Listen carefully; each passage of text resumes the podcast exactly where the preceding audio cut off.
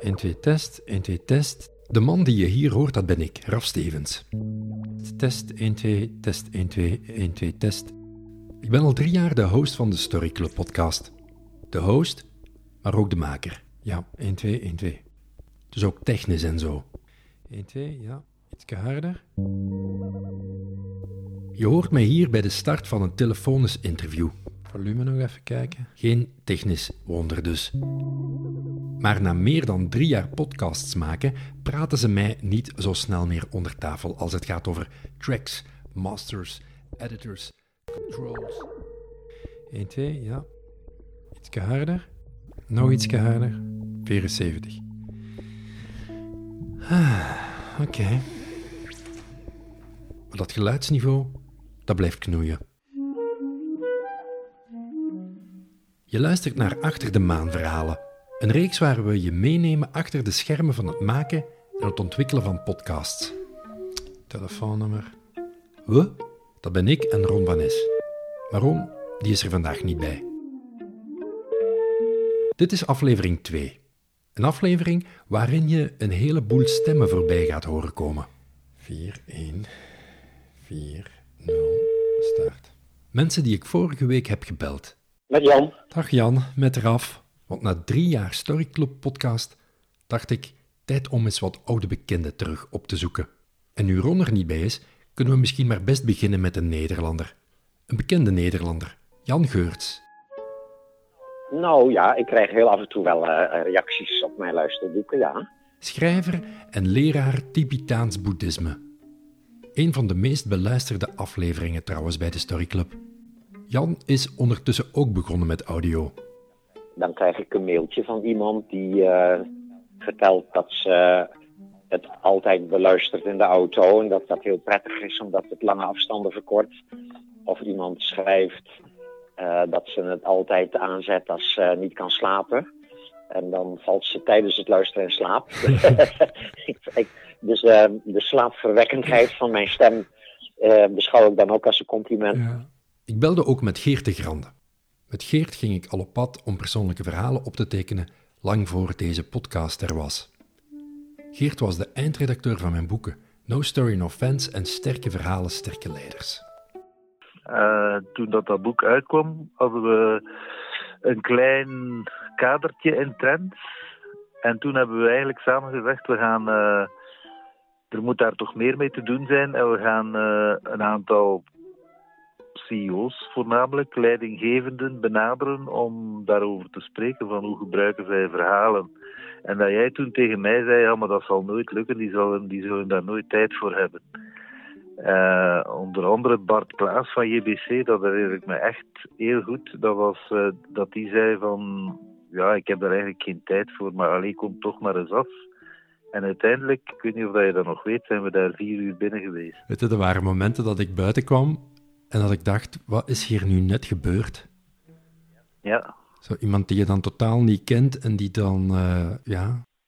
Ja, zijn ziel blootlegt helemaal. Hè. Ja. Er kwamen echt wel... Uh, er kwamen echt wel hele straffe dingen uit. Ja. En er kwam altijd wel iets, hè? Ja, zo kwamen er dingen los die uh, in een interview dat die mensen ook vaak deden met trends of met de tijd, uh, helemaal niet aan bod kwamen, want daar ging het alleen over cijfers. Over cijfers ging het zelden in de Story Club podcast. Nooit eigenlijk. Ook niet over luistercijfers. Daar was ik eerlijk gezegd in het begin helemaal niet mee bezig. Ik was gewoon blij dat ik bij interessante mensen mocht aanschuiven, vaak bij hun thuis, aan de keukentafel. Zoals bij Daan de Wever, CEO van Destiny. Hallo Daan. Ik vroeg Daan of hij een idee had waarom zijn aflevering al snel meer dan duizend luisterbeurten opleverde. Geen idee. Daan was alvast heel open tijdens het gesprek dat ik nu drie jaar geleden met hem had. Ah, ik, ik, ben iemand die zelf enorm gelooft in, uh, in, uh, in het authentiek zijn. En uh, in zijn wie dat je bent. Dus ik denk niet dat ik iemand ben die veel we moeten dat zeggen, maskers op heeft. Dat zeker niet dat in mijn, uh, verhaal zit. Ja, die, natuurlijk, Um, we hebben behoorlijk wat erkenningen geweest en we zijn toch behoorlijk wel in, uh, in, in de pers geweest. Dus dat zal ook wel maken dat mensen toch wel misschien een keer wat nieuwsgieriger zijn. Ja, wie is die Daan de Wever achter Destiny? Wat maakt dat dat misschien iets meer beluisterd is geweest? Ja. Is, is dat, uh, charmeert jou dat? Of denk je, ja, dat, dat, daar ben ik nu eigenlijk niet echt mee bezig? Goeie woord, charmeert me dat. Ik weet ook niet of dat charmeert. Ik bedoel, ik, als, ik, als, als, als dat voor mensen een stimuli kan zijn, of een stukje uh, erkenning, of een stukje voornamelijk inspiratie kan zijn. En, en, en uh, ik denk dat dat uiteindelijk de, de, de reden is waarom dat je daaraan mee, aan deelneemt. En dat je je ervaringen deelt. En, en dat, dat, dat, dat mensen daar naar luisteren, dat ze daar ook misschien iets van bepaalde stukjes kunnen meenemen. Maar even door. Hè. James Bamfield even bellen, maar hij weet wel niet dat ik hem ga bellen. Eens kijken of hij opneemt.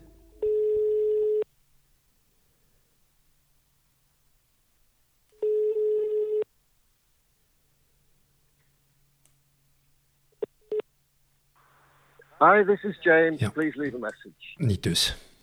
Als je James helemaal wil horen, ga dan even naar mijn leuke gesprek dat ik met hem had zo'n twee jaar geleden. Het is een aflevering die de titel kreeg De hond en het schaap een perspectief op leven en liefde. De hond, dat was onze Jack, een labrador.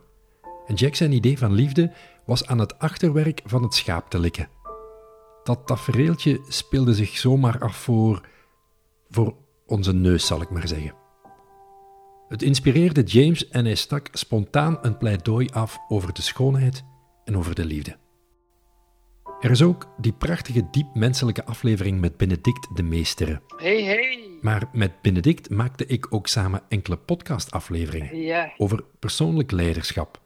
Voor haar klant was dat, waar ze al vele jaren alle leidinggevende traint. Het idee was van iets in te spreken, uh, iets verhalend uh, in te spreken, op die manier de leiders toe te spreken. Uh, en eigenlijk via het, de stem en het verhaal ja, mensen terug te brengen naar de ervaring uh, die ze hebben gehad op de training, maar ook de ervaring nadien met elkaar. En daar, op basis daarvan dingen terug te brengen in een, in een lijf, in een wereld, in een beleving, in een, in een geraakt worden, in een ziel, bij wijze van spreken. En ik denk dat Benedict de smaak te pakken heeft. Ja, en, en het is volgens mij niet de laatste podcast die ze gemaakt heeft. De, de, weet je, ik heb, ik heb eigenlijk tegen mijn man gezegd, misschien moet ik nog een keer een goede micro kopen. En uh, zelf toch ook eens proberen om zoiets in elkaar te steken. Uh, even checken tussendoor. Alles nog oké met jullie? Gaan we nog even door? Heb je er nog zin in? Nog twee dan. Nog een ex-gast. De wonderlijke Katrien Carton. Hallo, dag Graf. Nu al dankjewel Katrien voor je mooie woorden hier. Ja, ça va, ça va, met u? Ja, wel oké. Ik, uh, ja? Ik, ik, neem dit gesprekje op, is dat oké voor jou? Dat is oké, ja. Ja. Ik ben uh, een soort van compilatieaflevering aan het maken van uh, drie jaar Story Club podcast. Ja. Dat is wat mensen Mooi. die ik op mijn pad ben tegengekomen. Wacht, wat is daarvan blijven hangen? Ik denk dat het voor mij ook een mooie ervaring was. Um, omdat. Ja, omdat ik vind dat je talent hebt om gewoon mee te gaan met de flow en dan die vragen te stellen die, die voor u persoonlijk, allee, dan voor mij persoonlijk ook verrijkend zijn. En dat, dat geeft mij ook een, een verheldering in mijn eigen verhaal, zou ik zo zeggen. Ja. Hmm. Maar, um, en, dus, en, en wat heeft dat mij gebracht? Ik vond het ook mooi om achteraf soms reacties van mensen te, um, te, te krijgen die, die iets hadden aan ons gesprek. Ja. Want dat heb ik ook wel achteraf soms gekregen en dat vind ik ook wel mooi. Ja. Ja. En ik zeg het voor mezelf ook, weet je, uzelf horen en, en, en, en die punten nog een keer horen, helpt, helpt u zelf ook om uw verhaal nog scherper te krijgen of uw verhaal of, of datgene waar dat je mee bezig bent. En afsluiten, Afsluiten zullen we doen met Tommy Broijs. Heel lang geleden, in de humaniora, toen zat ik met Tommy in de klas. Dus ja, dus dat was even zo terug een, eh, een flashback. Dat vond, ik, uh, dat vond ik leuk.